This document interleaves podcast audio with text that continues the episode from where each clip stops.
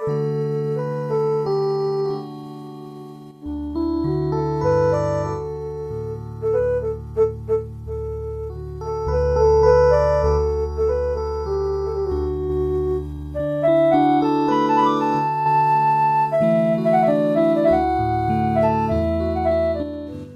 ះវិទ្យុសំឡេងមេត្រីភាពផ្សាយចេញពីវិទ្យុ Adventist ពិភពលោក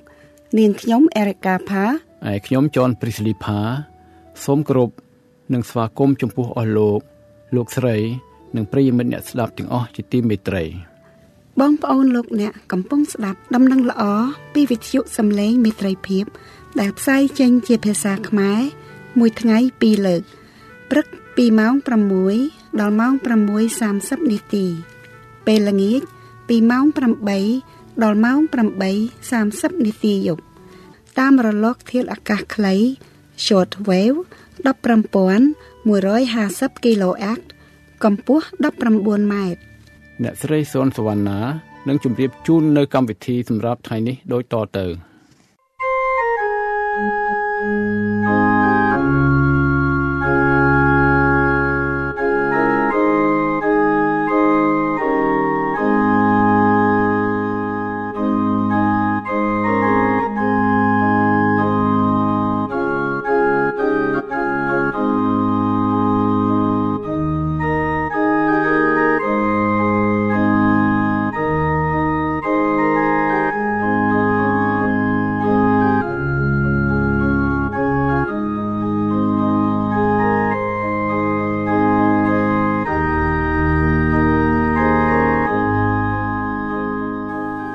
បងប្អូនស្ងួនភ្ងាជាទីគោរពនិងជាទីមេត្រី សញ្ញាទាំងឡាយនៃពេលវេលា បញ្ជាក់ប្រាប់យើងថាព្រះយេស៊ូវចិត្តយាងមកហើយ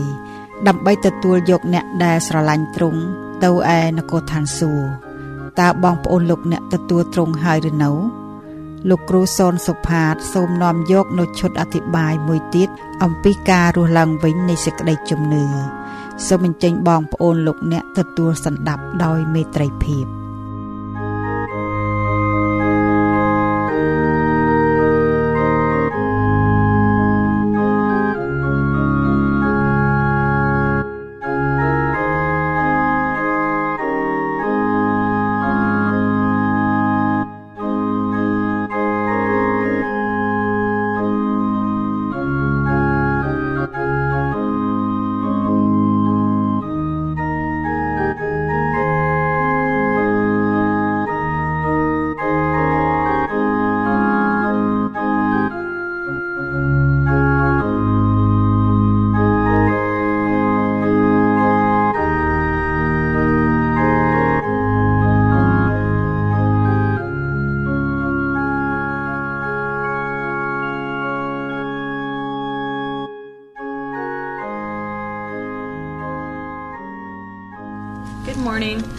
Today I'll be reading Joel 2:32.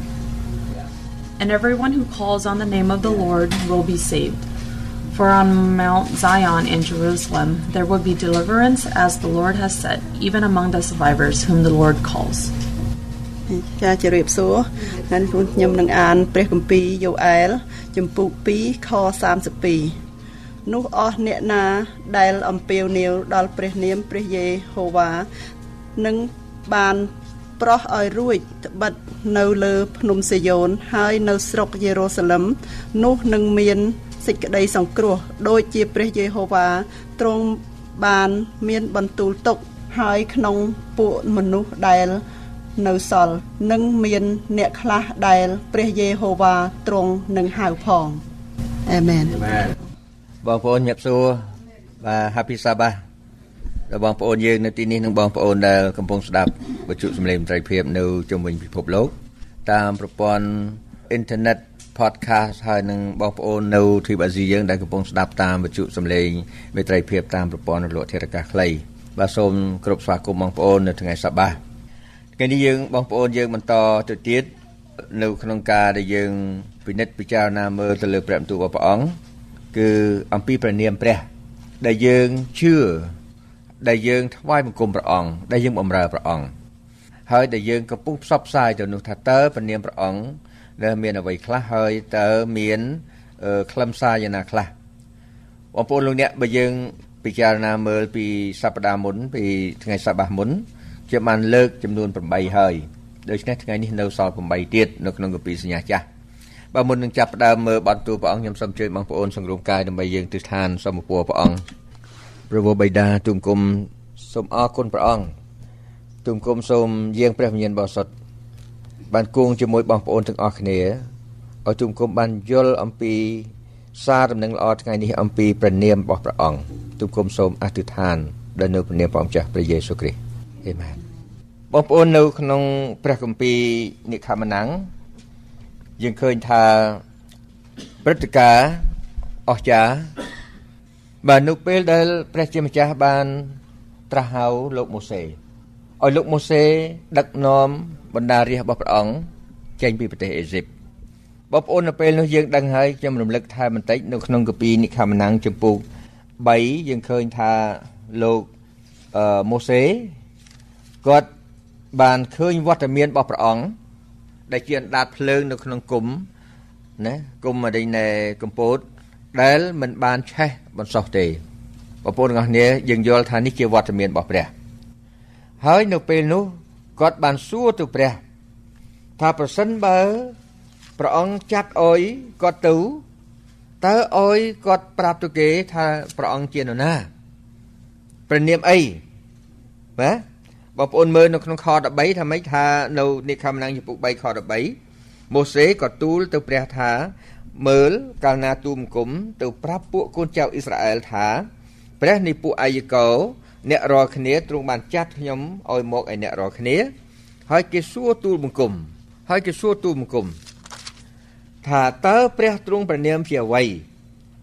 នោះតើត្រូវឲ្យទូមគុំប្រាប់គេថាដូចម្ដេចព្រះទ្រង់មានបន្ទូលទៅម៉ូសេថាអញជាព្រះដ៏ជាព្រះ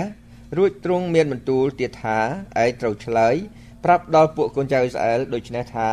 ព្រះដ៏ជាព្រះទ្រង់បានចាត់ឲ្យខ្ញុំមកឲ្យអ្នករាល់គ្នា បាទខ្ញុំរំលឹកឡើងកន្លែងបន្តិចឲ្យបងប្អូនយើង មានអំណរហើយឲ្យយើងដឹងថានៅក្នុងពេលនោះព្រះជាម្ចាស់បានអះអាងប្រាប់ទៅនៅក្នុងភាសាអង់គ្លេសថា I am who I am គឺបញ្ជាក់ប្រាប់ថាព្រះ នៅក្នុងបច្ចុប្បន្នកាលគឺព្រះកំពុងមានបញ្ជនរស់នៅបាទកន្លែងនេះគឺថាជាព្រះលើសអស់ទាំងព្រះ ហើយនៅក្នុងចំណុចដែលខ្ញុំបានលើកមកពីលើកមុនបងប្អូនថានាមរបស់ព្រះថ្លែងបញ្ជាក់ប្រាប់អំពីមុខងារហើយនឹងការងាររបស់ផងទ្រង់បាទព្រះនៅក្នុងភាសាដើមរបស់ព្រះគម្ពីរនេះគឺថាជាគេទៅសេជាភាសាហេប្រឺហ្នឹងគឺថានៅក្នុងភាសានៃព្រះគម្ពីរគឺមានឈ្មោះផ្សេងផ្សេងគ្នាតាមទង្វើតាមកិច្ចការរបស់ព្រះអង្គនៅក្នុងប្រភពនៃព្រះគម្ពីរ NIV នៃ Live Application Study Bible នៅទំព័រ371ខ្ញុំបានដកស្រង់មកឃើញមានពនាម16នៅក្នុងគម្ពីរសញ្ញាចាស់ពីសបាសមុនខ្ញុំបានលើកចំនួន8ហើយឥឡូវសល់8ទៀតមុននឹងយើងទៅខ្ញុំចង់រំលឹកបងប្អូនតិចពនាមទាំង8ដែលយើងបាននិយាយពីថ្ងៃមុនណាចាប់ផ្ដើមដំបូងផុតនៅក្នុងគម្ពីរលោកកបាតចំពុក1ខ1ណាអេឡូហ៊ីមព្រះនាមរបស់ព្រះអង្គប្រែថាព្រះដ៏ពិតនិងសពជាស្ដាបន្ទាប់មក ព្រះព្រះនាមយ៉ាវេដែលមាននាមមានន័យថាព្រះអង្គម្ចាស់បន្ទាប់មកទៀតអែលអេលីយ៉នដែលមានន័យថាព្រះដ៏ខ្ពស់បំផុតបន្ទាប់មកអែលរយថាព្រះដ៏ទួតឃើញបន្ទាប់មកទៀតអែលសាដាយអែលសាដាយគឺព្រះដ៏មានសពជាស្ដាយ៉ាវេយេរ៉េគឺជាព្រះដ៏ផ្គត់ផ្គង់យ៉ាវេនីស៊ីបានន័យថាព្រះអង្គជាទងជ័យរបស់ខ្ញុំ នៅចុងទី8នៅនៃការអធិប្បាយពីមុនហ្នឹងគឺថាអាដូណៃអាដូណៃប្រែថាព្រះអង្គម្ចាស់ជាព្រះខ្ពស់លើអស់ទាំងទាំងព្រះអរគុណព្រះអង្គដូច្នេះចំណុចទាំង8នេះគឺថានាមរបស់ព្រះអង្គដែលបញ្ជាក់អំពីការងាររបស់ព្រះអង្គដែលជាព្រះដ៏មានបច្ចុប្បន្នរស់បាទលោកបងប្អូនយើងមើលចំណុចនៃពនាមព្រះអង្គ8ទៀត យើងបន្តទៅទៀតនៅក្នុងនេះនាមព្រះអង្គទី9ថា Yahweh Elohi Yahweh Elohi នេះគឺថាមានន័យថាណា Yahweh Elohi meaning Lord God of Israel គឺព្រះអង្គជាអម្ចាស់នៃអ៊ីស្រាអែលមានន័យថាព្រះអម្ចាស់នៃរាជអ៊ីស្រាអែលខយោងព្រះគម្ពីរនៅទីនេះខ្ញុំសូមជួយបងប្អូនបើកទៅគម្ពីរពួកចវាយគម្ពីរពួកចវាយយើងឃើញនៅក្នុងគម្ពីរពួកចវាយនៅចំពុក5ខ3 យោស្វេហើយពួកចវាយបងប្អូនចំពុក5ខ3បងប្អូនមើលនៅទំព័រ329ពួកមេត្រួតត្រាអើយចូលផ្ទៀងត្រជាស្ដាប់ចុះខ្ញុំនឹងច្រៀងថ្វាយព្រះយេហូវ៉ាខ្ញុំនឹងច្រៀងសរសើរដល់ព្រះយេហូវ៉ាជាព្រះនិសាសអ៊ីស្រាអែលបាទអានេះគេថាព្រះនៃអ៊ីស្រាអែលកន្លែងហ្នឹងនៅក្នុងភាសាដើម គឺគេសរសេរថា Yahweh Elohi បាទ ពាក្យខ្មែរខ្ញុំជំរាបជូនបងប្អូនថាកន្លែងណាដោយតាំងពីដើមនោះគេថាព្រះតែមួយម៉ាត់ចប់ប៉ុន្តែនៅក្នុងភាសាដើមកន្លែងហ្នឹងមានន័យថាណាព្រះណាដែលជាព្រះអ៊ីស្រាអែលបងប្អូនទាំងអស់គ្នាមើលឃើញដូចខ្ញុំរំលឹកបន្តិចចុះពីព្រមភាសាប់នៅក្នុងព្រះគម្ពីរឧទាហរណ៍ដូចជាស័ព្ទក្នុងព្រះគម្ពីរដូចជាពាក្យថាថ្ងៃជប់សម្រាប់ថ្ងៃជប់សម្រាប់នៅគម្ពីរទាំងមូល បងប្អូនមើលតាំងពីដើមដល់ចប់គម្ពីរខ្មែរកន្លែងណាឃើញថ្ងៃជប់សម្រាប់ថ្ងៃជប់សម្រាប់ហ្នឹងគឺជាថ្ងៃថ្វាយបង្គំព្រះប៉ុន្តែបងប្អូនយើងដោយឃើញពាក្យសាមញ្ញកន្លែងណាក៏ថ្ងៃជប់សម្រាប់កន្លែងណាថ្ងៃជប់សម្រាប់បងប្អូនអត់យល់គិតថាថ្ងៃហ្នឹងគឺថាដល់នៅក្នុងសង្គមយើងទៀតនិយាយថាថ្ងៃជប់សម្រាប់ជាថ្ងៃអាទិត្យជប់សម្រាប់ពីការងារលៀងអាជីពនោះបងប្អូនយើងដល់ថ្វាយគុំព្រះអង្គឃើញកន្លែងក្នុងកពីនដាក់ថាថ្ងៃជប់សម្រាប់ ក៏នាំគ្នាគិតថាថ្ងៃថ្វាយគុំព្រះថ្ងៃអាទិត្យបងស្ដាប់តើនេះប៉ុន្តែដល់យើងមើលគម្ពីរមើលទៅភាសាដើមកន្លែងតាំងពីដើមដល់ចប់នៅក្នុងព្រះគម្ពីរតែសេជាព្រះគម្ពីរជាភាសាហេប្រឺណានៅក្នុងគម្ពីរសញ្ញាចាស់ហើយនៅជាភាសាក្រិកនៅក្នុងគម្ពីរសញ្ញាថ្មីបានស្ដីថាពាក្យកន្លែងហ្នឹងភាសាហេប្រឺកន្លែងពាក្យថ្ងៃជប់សម្រាប់ទាំងអស់នៅក្នុងគម្ពីរគេមានពាក្យមួយថា the sabbath the sabbath គឺថ្ងៃសាបាតថ្ងៃសាបាតបានបាននេះទៅម៉េចថ្ងៃទី7ដែលថ្ងៃថ្វាយបង្គំព្រះបងប្អូនឃើញទេដូច្នេះកាលណាយើងមិនយល់នៅក្នុងន័យហ្នឹងគឺថាយើងមើលន័យស្រាលស្រាលធ្វើឲ្យយើងគិតថាថ្ងៃជប់សម្រាប់ថ្ងៃណាក៏បានដែរប៉ុន្តែមិនមែនទេនៅក្នុងភាសាព្រះគម្ពីរទៅសេដំបងផុតដែលសាបាសគឺជាថ្ងៃថ្វាយបង្គំព្រះដែលខ្មែរយើងនៅក្នុងគម្ពីរខ្មែរណា បងប្អូនលោកអ្នកដែលនៅប្រទេសខ្មែរក្តីនៅចំណុចណាដែលលើពិភពលោកកាលណាយើងអានគម្ពីរខ្មែរយើងឃើញថ្ងៃជប់សម្រាប់នេះខ្ញុំលើកឧទាហរណ៍មួយដូចជាពនាមព្រះអង្គអញ្ចឹងគេថាយើងស្វែងយល់ភាសាដើមដើម្បីឲ្យយល់បានពីខ្លឹមសារ Yahweh Elohi នេះមានន័យថាម៉េចមានន័យថាព្រះអង្គម្ចាស់នៃរាជអ៊ីស្រាអែលហើយព្រះអង្គគឺជាព្រះនៃគ្រប់ទាំងជនជាតិទាំងអស់នៃគ្រប់ប្រជាជាតិទាំងអស់គ្រប់ប្រទេសទាំងអស់ បាទមិនមែនសម្រាប់តែជនជាតិអ៊ីស្រាអែលទេ He is the God of the nation ពីពេលមុនខ្ញុំឃើញនៅឯកសារមួយគេនិយាយថាលោកម៉ូសេបានទទួលពនាមព្រះហ្នឹងឃើញអក្សរ4តួ Y A W A ប៉ុន្តែបងប្អូនទាំងអស់គ្នាបើពិចារណាមើលកន្លែងហ្នឹងយើងមើល Y A W A គឺអក្សរកាត់អក្សរ4តួបើយើងមើល Yahweh Yahweh បន្ថែម Y A H W E H ដូច្នេះថែមតែអក្សរពីរទៀតទៅ Yahweh ហ្នឹងអូខេទេដល់មួយទៀតនៅក្នុងនេះគេថា មានក្រុមជំនុំមួយគាត់យកពាក្យអាដូណាយពីព្រោះអាដូណាយគឺនាមព្រះអង្គដែលជាព្រះពូបំផុតគាត់យកតែស្រៈទេពីព្រោះអាអក្សរ4តួ Y A W A ហ្នឹងគឺថា the unpronounceable form or name គឺថាគេមិនហ៊ានហៅព្រះនាមព្រះអង្គទេ ហៅព្រះនាមព្រះអង្គដូចជាប្រមាថព្រះអង្គដូចជាដូច្នេះមិនហ៊ានប៉ះពាល់ដល់ព្រះនាមព្រះអង្គទេនៅដូច្នេះគេហៅថាម៉េច Y A W A បងប្អូនមើលចេញអក្សរឲ្យមួយទេចេញជាសំឡេងឲ្យមួយទេអត់មានទេពីព្រោះអត់មានស្រៈផងឃើញទេដូច្នេះកន្លែងនឹងមួយគឺបញ្ជាក់ប្រាប់ថាម៉េចប្រាប់ថាអក្សរ4តួហ្នឹងត្រូវដកយកពីកន្លែងមួយទៀតគឺ Adonai គឺយកតែស្រៈទេ A O A ដាក់ចូលទៅទៅយ៉ាហូវ៉ាក៏មើលទៅខ្លាយទៅយេហូវ៉ា នៅក្នុងកាពីគេថាអត់មានឯកភាពគ្នានៅក្នុងពេលសេយ៉ាវ៉េយេហូវ៉ាកន្លែងខ្លះទៅសេ W ខ្លះទៀតទៅសេ V ខ្លះទៅសេអានេះអក្សរ W ទៅខ្លះទៅសេ V បើនេះសំឡេងដូចគ្នាអានេះខ្ញុំអោយបងប្អូនយើងមើលដឹងអំពីពនាមរបស់ព្រះអង្គតែថាទោះបីចេញក្នុងស្ថានណាក៏យើងអាចដឹងបានដែរលើដល់ពនាមព្រះអង្គទី10 Yahweh Shalom បាទ Yahweh Shalom មានន័យថាម៉េចមានន័យថា the Lord Yahweh Shalom meaning the Lord is peace ណា Yahweh Shalom នឹងបានន័យថាព្រះអង្គម្ចាស់គឺជាសន្តិភាពបងប្អូនបើកទៅគម្ពីរពួកចវាយទៅមកស្លឹកទៀតទៅខាងមុខនៅចំពុក6ខ24 6ខចំពុក6ខ24យើងមើលឃើញនៅកន្លែងមួយដែលបងប្អូនមើលនៅទំព័រ332ណានោះគេឌៀនក៏ស្អាងអាសនាមួយថ្វាយព្រះយេហូវ៉ានៅទីនោះរួចដាក់ឈ្មោះថា យេហូវ៉ាសាឡឹម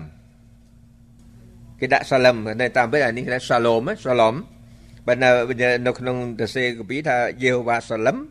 ឬយេហូវ៉ាសាឡូមទសេកន្លែងស្រាក់ដូចមិនច្បាស់ដែរដាក់សាអេឬសាអមនៅក្នុងកពីយើងណាបាទភាសាដើមថាយ៉ាវេសាឡូមសាឡូមបាទអាសនានោះក៏នៅត្រង់អូប្រារបស់ផងពួកអាប៊ីសើ ដល់រាបដល់សពថ្ងៃនេះនៅក្នុងនាមរបស់ព្រះអង្គយ៉ាវេសាឡូមនឹងមានន័យថាព្រះអង្គម្ចាស់ជាសន្តិភាពព្រះប្រទានឲ្យយើងនូវសន្តិភាព ដែលយើងមិនត្រូវការនឹងខ្លាចអ្វីឡើយគឺសន្តិភាពដែលព្រះប្រទានឲ្យគឺមិនដូចសន្តិភាព ដែលលោកកៃប្រទានណែបានផ្ដល់ឲ្យយើងនោះទេ បាទយ៉ាវេសាឡូមបាទអរគុណព្រះអង្គបងប្អូនមើលពនាមព្រះអង្គទី11ណា ទី11ថា Kedah Israel Kedah Israel មានន័យថា Holy One of Israel មានន័យថាព្រះដ៏បរិសុទ្ធតែមួយរបស់អ៊ីស្រាអែលបងប្អូនបើកទៅគម្ពីរអេសាយជំពូក1ខ4អេសាយបងប្អូនដឹងទេគម្ពីរអេសាយគឺជាព្រះគម្ពីរមួយដែលមាន មុនគេនៅក្នុងសម័យនៃគម្ពីរសញ្ញាថ្មីនៅក្នុងសញ្ញាថ្មីគេមិនតគម្ពីរសញ្ញាថ្មីទេ នៅក្នុងសម័យព្រះយេស៊ូវនិងសម័យលោកសាវកប៉ុលគឺត្រូវអានពីគម្ពីរអេសាយនេះឯងអេសាយមានន័យថាសេចក្តីសង្គ្រោះ Isaiah mean salvation ចាប់ផ្ដើមនៅក្នុងជំពូក1នឹងគឺព្រះបានសម្ដែងប្រាប់ឲ្យដឹង ថាព្រះអង្គគឺជាព្រះដ៏បរិសុទ្ធតែមួយបងប្អូនមើលជាមួយគ្នា នៅទំព័រ904អេសាយជំពូក1ខ4បាទ នៅទំព័រ905បាទបងប្អូនមើលជាមួយគ្នាអូប្រទេសដ៏មានបាប ជាសះផ្ទុកដោយអំពើទុច្ចរិតជាពូជមនុស្សដែល ប្រព្រឹត្តអាក្រក់ ជាពួកកូនចៅដែលប្រព្រឹត្តវាយកោងគេបានបោះបង់ចោលព្រះយេហូវ៉ាគេបានប្រមាថមើលងាយដល់ព្រះដ៏បរិសុទ្ធនៃសាសអ៊ីស្រាអែលកន្លែងហ្នឹងគឺនៅក្នុងគម្ពីរភាសាដើមថា គេបានបោះបង់ចោលខីដោយីស្រាអែលគឺព្រះព្រះដ៏បរិសុទ្ធតែមួយរបស់អ៊ីស្រាអែលនៅក្នុងនេះមានន័យថាម៉េចមានន័យថាព្រះ គឺមានភាពសុក្រិតភាពខាងឯសិលធម៌របស់ព្រះអង្គគឺបរិសុទ្ធម៉ត់ម៉ងហៅថាសុក្រិតភាពដូច្នេះព្រះនាមរបស់ព្រះអង្គទី11គឺគីដោយីស្រាអែលមានន័យថា ព្រះបរិសុទ្ធតែមួយរបស់អ៊ីស្រាអែលលើយើងមើលព្រះនាមរបស់ព្រះអង្គទី12 ថា Yahweh Sabaoth Yahweh Sabaoth មានន័យថាម៉េច Yahweh Sabaoth meaning the Lord of hosts មានន័យថាម៉េចតាក់ទងទៅនឹងពួកពលបរិវារពួកពលបរិវារបងប្អូនទាំងអស់គ្នាពេលយើងគិតមើលថានៅពេលបត់បន្ទូលរបស់ព្រះអង្គនៅថេសាឡូនីក41និយាយថាពេលព្រះយេស៊ូវយាងមកណែមានទាំងពួកមហាទេវតាមកនោះបានតែម៉េចគឺជាពួកពពួកនេះពលបរិវារគឺសុទ្ធតែជាទេវតាដែលហែហោមព្រះអង្គមក នៅក្នុងនេះ គម្ពីរចែងថាយ៉ាវេសាបូតយើងមើលនៅក្នុងគម្ពីរសាមយូអែលខ្សែទី1គម្ពីរសាមយូអែលខ្សែទី1យើងមើលនៅអឺចំពុក1ខ3សាមូអែលទី1ចំពុក1ខ3បងប្អូនមើលជាមួយគ្នានៅទំព័រ363 363រាល់តែឆ្នាំគាត់តែងឡើងពីក្រុងខ្លួនទៅអេស៊ីឡូដើម្បីនឹងថ្វាយបង្គំហើយថ្វាយយ៉ាញ់បូជា ដល់ព្រះយេហូវ៉ានៃពួកពលបរិវាររៀននៅទីនោះមានហុបនីនិងភីនេហាជាកូនអេលីទាំងពីរនាក់ធ្វើជាសង្ឃព្រះយេហូវ៉ានៃព្រះយេហូវ៉ាដូចខ្ញុំចង់បង្ហាញបងប្អូនកន្លែងហ្នឹងបត់បន្ទូលថាម៉េចកន្លែងថាគេបូជាដល់យ៉ាវេសាបូតគឺជាព្រះនៃពួកពលបរិវារបាទនេះថាម៉េចបងប្អូនបាទនេះថាព្រះអង្គគឺជាព្រះអង្គសង្គ្រោះហើយក៏ជាព្រះអង្គដែលជាព្រះដ៏ថែរក្សា យើងរាល់គ្នាដែរឃើញទេបាទបងប្អូនមានពេលទៀតក៏មើលទៅនៅគម្ពីរអេសាយចំពោះ6ខ1ទៅខ3ព្រះនាមព្រះអង្គទី13 El Olam មានន័យថាម៉េច El Olam meaning the everlasting God មានន័យថាព្រះដ៏គង់នៅអស់កលបងប្អូនបើកទៅកាពីអេសាយចំពុក40នៅកាពី40អេសាយចំពុក40ខ28 40យើងមើលខ28ដល់31បាទ28ដល់31បងប្អូនមើលខ28ទំព័រ949តើឯងមិនបានដឹងឬមិនបានឮទេឬអីថាព្រះដ៏គង់នៅអស់កាលជានិច្ចគឺព្រះយេហូវ៉ាជាព្រះដែលបានបង្កើតផែនដី រហូតដល់ចុងបំផុតទ្រង់មិនដែលល្វើយឡើយក៏មិនដែលអស់កម្លាំងផង គ្មានអ្នកណាអាចស្ទង់យល់យោបល់របស់ទ្រង់បានទេទ្រង់រមែងចម្រើនកម្លាំងដល់អ្នកដែលល្វើយហើយចំណែកអ្នកដែលគ្មានកម្លាំងសោះនោះទ្រង់ប្រទានឲ្យអរគុណព្រះអង្គទោះទាំងពួកជំទង់គេនឹងល្វើយហើយនឿយហត់ទៅបាន ពួកកំឡោះក៏នឹងបានដួលជ្រលាក់បានផង តែអស់អ្នកណាដែលសង្ឃឹមដល់ព្រះយេហូវ៉ាវិញនោះនឹងមានកម្លាំងចម្រើនជានិច្ចគេនឹងហើរឡើង ទៅលើដោយស្លាប់ដូចជាឥន្ទ្រីគេនឹងរត់ទៅឥតដែលហត់ហើយនឹងដើរឥតដែលល្វើយឡើយអរគុណព្រះអង្គនេះគឺជាព្រះនាមព្រះអង្គអែលអូឡាំអែលអូឡាំគឺមានន័យថាព្រះដ៏អឺគង់នៅអកាលជានិច្ចគឺព្រះអង្គគឺថាថេអស់កាលហើយព្រះអង្គមិនដែលផុតកំណត់ទេអរគុណព្រះអង្គបាទព្រះនាមព្រះអង្គទី14បងប្អូនយ៉ាវេអឺស៊ីតខេនូ យ៉ាវេស៊ីតខេនូមានន័យថាម៉េចមានន័យថាព្រះអង្គជាសេចក្តីសុចរិតរបស់យើងបងប្អូនបើទៅគម្ពីរយេរេមៀទៅចំពុក23យេរេមៀចំពុក23បងប្អូនយេរេមៀចំពុក23ខ6នៅទំព័រ1015 1015នៅគ្រារបស់ទ្រង់ពួកយូដានឹងបានសង្គ្រោះហើយពួកអ៊ីស្រាអែលនឹងនៅដោយសន្តិសុខ ឯព្រះនាមដែលគេនឹងហៅទ្រង់នោះគឺព្រះយេហូវ៉ាដ៏ជាសេចក្តីសុចរិតនៃយើងរាល់គ្នាកន្លែងនេះបកប្រែមកត្រូវដំណងគេថា the Lord is our righteousness ណានៅក្នុងភាសាដើមថានោះព្រះយេហូវ៉ាទៅត្រូវហៅព្រះនាមទ្រង់ថា Yahweh Sitkenu Sitkenu បាទពីព្រោះព្រះអង្គគឺជាគេហៅថាប្រព័ន្ធគេហៅថាជាស្តង់ដានៃអេរិយាប័ត្រដ៏សុចរិតរបស់យើងព្រះអង្គតែមួយគត់ ដែលអាចធ្វើឲ្យយើងទាំងអស់គ្នាបានសុចរិតឡើងអរគុណព្រះអង្គព្រះនាមព្រះអង្គទី15 Yahweh Sama Yahweh Sama បងប្អូនបើកទៅកាពីអេសេគៀលណាបានន័យថាម៉េច Yahweh Sama meaning the Lord is there មានន័យថាព្រះអង្គម្ចាស់គង់នៅទីនោះកាពីអេសេគៀលជំពូក48ខ35បាទអេសេគៀលជំពូក48ខ35 បងប្អូនដឹងនៅកន្លែងណាទេគឺគម្ពីរនៅខចុងក្រោយមកអស់នេះព្រះគម្ពីរអេសេគៀលបាទខចុងក្រោយមកអស់ទំព័រ1146ឯពត់ជុំវិញទីក្រុងនោះត្រូវជា18000ខ្នាត ហើយតាំងពីថ្ងៃនោះតទៅ ទីក្រុងនោះត្រូវមានឈ្មោះថាព្រះយេហូវ៉ាទ្រង់គង់នៅទីនោះកន្លែងនោះដែលយើងដាក់ចំភាសាដើមថា កន្លែងនោះត្រូវមានឈ្មោះថាយ៉ាវេសាម៉ាបានន័យថាព្រះអង្គទ្រង់តែងតែមានវត្តមានជាមួយយើងទាំងអស់គ្នាបងប្អូនទាំងអស់គ្នាដឹងទេពនាមព្រះអង្គដែលយើងឃើញនៅក្នុងការសិក្សាបទបន្ទូលយើងថាព្រះរបស់យើងគឺព្រះអង្គមានលក្ខណៈ3ណាដែលហៅថាលក្ខណៈរបស់ព្រះនោះគឺថាមាន3គេហៅថាព្រះដ៏សពជាស្ដាដែលព្រះអង្គបង្កើតរបស់សពសារពើបង្កើតផ្ទៃមេឃផែនដី ទី2គឺព្រះអង្គសពញ្ញូញាណគេថា God the omniscient ទី1គេថា God the omnipotent គឺសពសពជាស្ដាទី2 God the omniscient គឺថាព្រះដ៏សពញ្ញូញាណដែលឆ្វេងយល់ពីអតីតកាលដោយបច្ចុប្បន្នដោយអនាគតកាលមួយទៀត God the omnipresent គឺព្រះដែលគង់នៅជាមួយយើងនៅគ្រប់កន្លែងទាំងអស់កន្លែងនេះហើយដែលពនាមថាម៉េចថាព្រះអង្គគឺជាគង់នៅទីនោះគឺថា Yahweh Yahweh Sama បាទអរគុណព្រះអង្គ ព្រះនាមព្រះអង្គចុងក្រោយនៅក្នុងគម្ពីរសញ្ញាចាស់ Arctic Yomin Arctic Yomin meaning ancient of day នៅក្នុងនេះគេថាព្រះនាមព្រះអង្គបានន័យថាម៉េចបានន័យថាព្រះតាំងពីចាស់បុរាណបងប្អូនមើលគម្ពីរដានីយ៉ែលជាមួយខ្ញុំនៅក្នុងគម្ពីរដានីយ៉ែលចំពូក7ខ9យើងឃើញបទបន្ទូលនោះចែងច្បាស់អំពីនៃព្រះនាមព្រះអង្គនៅចុងក្រោយនេះគឺអតិយោមិនណា បងប្អូនមើលដានីយ៉ែលចំពុក7ខ9បាទចំពុក7ខ9ទំព័រ1160ខ្ញុំក៏គន់មើលតលតែមាន គេយកបលាំងមកតាំងហើយព្រះដ៏មានប្រជញ្ញ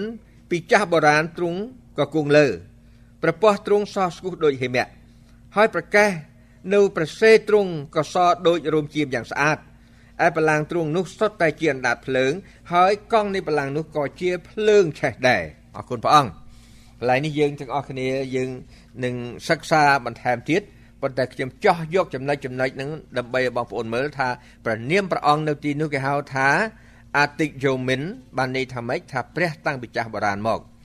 ពីព្រោះព្រះអង្គគឺជាព្រះដែលមានអំណាចជាស្ដារលើសផុតគេបង្អស់ព្រះអង្គនឹងវិនិច្ឆ័យ គ្រប់ទាំងប្រជាជាតិទាំងអស់នៅថ្ងៃណាមួយនេះហើយដែលយើងឃើញថាព្រះនាមរបស់ព្រះអង្គអតិយោមិននឹងគឺព្រះអង្គគឺជាព្រះដែលជាចៅក្រមដែលទ្រង់នឹងវិនិច្ឆ័យពិភពលោកនៅថ្ងៃណាមួយបាទអរគុណព្រះអង្គដូច្នេះបងប្អូនទាំងអស់គ្នាឃើញហើយណានៅក្នុងព្រះនាមរបស់ព្រះអង្គដែលខ្ញុំបានលើកមកនេះគឺឲ្យបងប្អូនយើងយល់ថាព្រះនាមព្រះអង្គនៅក្នុងកាពីសញ្ញាចាស់ ភាសាដើមភាសាហេប្រឺហ្នឹងគឺថាដែលភាសាខ្មែរឃើញកន្លែងណាក៏ព្រះក៏ព្រះប៉ុន្តែនៅក្នុងនោះមានចំណែកមានគេហៅថាកិច្ចការរបស់ព្រះអង្គបេសកកម្មរបស់ព្រះអង្គធ្វើកិច្ចការនោះដូច្នេះខ្ញុំគិតថាព្រះនាមរបស់ព្រះអង្គអស្ចារ្យមែនទែនយើងគួរស្វែងយល់ពីព្រោះយើងកាលណាយើងអធិដ្ឋានអំពាវរកព្រះអង្គយើងគួរតែស្វែងឲ្យចំព្រះនាមរបស់ព្រះអង្គដែរបាទបងប្អូនឥឡូវបងប្អូនមើលក្នុងគម្ពីរម៉ាឡាគីចំពុក4ខ2 នៅក្នុងគម្ពីរម៉ាឡាគីចំពុក4ខ2បងប្អូនដឹងទេជាបណ្ដាំចុងក្រោយនៅក្នុងគម្ពីរសញ្ញាចាស់គេហៅនឹងគេថាជា chapter ជាចំពុកចុងក្រោយមកអស់នៅក្នុងគម្ពីរសញ្ញាចាស់យើងមើលមើលថាម៉េចគម្ពីរសំដែងថាម៉េចជិបចង់មើលភ្ជាប់ពីខ1មកត្បិតមើលថ្ងៃនោះកំពុងតែមកដល់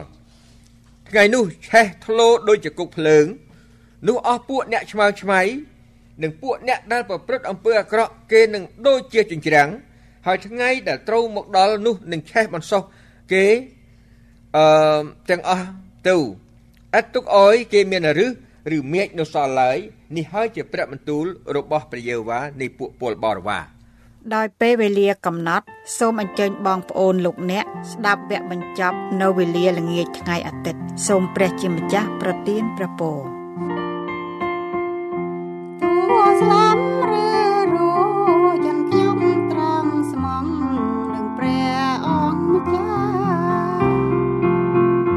ទួស្